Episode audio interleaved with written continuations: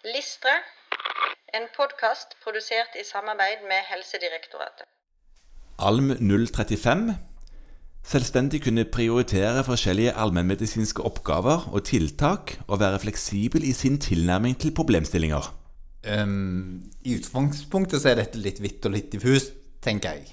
Ja, altså det man kan si noe kanskje om helt sånn i starten, det er at eh, det å være fleksibel er kanskje en viktig egenskap hos fastlegen, uansett hvilke læringsmål vi snakker om. Ja, altså jeg tenker at det er litt sånn Det er en nyttig allmennmedisinsk egenskap å være fleksibel. Ja. Fordi at man, man eksponeres for høy grad av usikkerhet og tilfeldighet i praksisen sin. Ja, Og man har veldig stort spenn i hvem man har på kontoret sitt. Ja.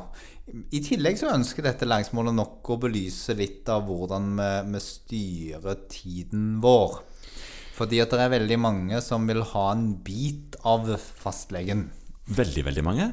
Det kan være arbeidsgiver, det kan være Nav, det kan være kommunen i forhold til ansvarsgruppemøter, Apoteket, hjemmesykepleien. hjemmebesøk eh, Ja. osv.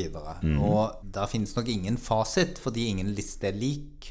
Men hvis man ser på hvor mange hjemmebesøk fastlegene gjør nå, kontra for noen år tilbake, så er det jo ganske åpenbart at tiden vi har til å sjalte og valte med, den er redusert.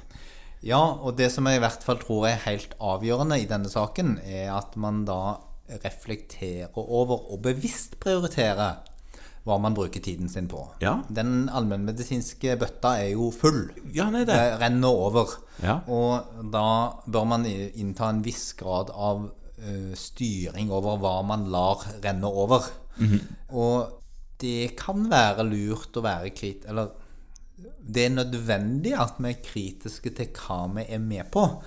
Ikke fordi at vi ikke kan gjøre en god jobb, men fordi at vi ikke alltid er like vesentlige for at det skal bli gjort en god jobb.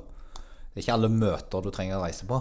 Eh, Det er ikke alle hjemmebesøk du trenger å ta, selv om vi nok trenger å ta flere enn det vi gjør i dag. Det kan være. Så kan det godt være det er andre situasjoner der det er et ønske om at du skal reise på hjemmebesøk, der det kanskje er vel så lurt at pasienten kommer inn.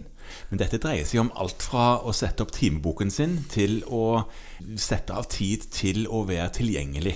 Ja, og da er det en sånn grunnting som man skal tenke på, og det er at hvis du ikke aktivt beslutter å tenke igjennom hvordan du vil løse dette, så kommer det til å bli annerledes enn du har tenkt. Da er det noen andre som bestemmer for deg, rett og slett. Ja. ja.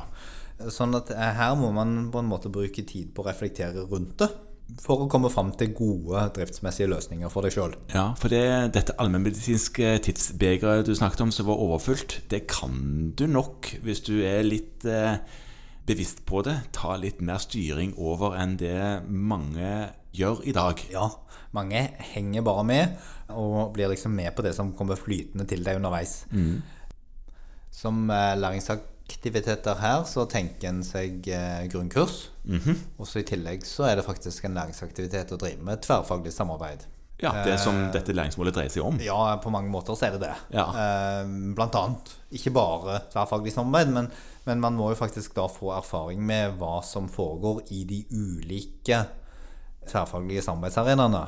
For å ha mulighet til, i tilfelle til tilfelle, å kunne si noen ting om er det relevant at jeg bruker tid på dette Ja, du, nå. Skal du prioritere, så må du jo vite hva du prioriterer. Ja. Ja. Og da er nok erfaring nødvendig.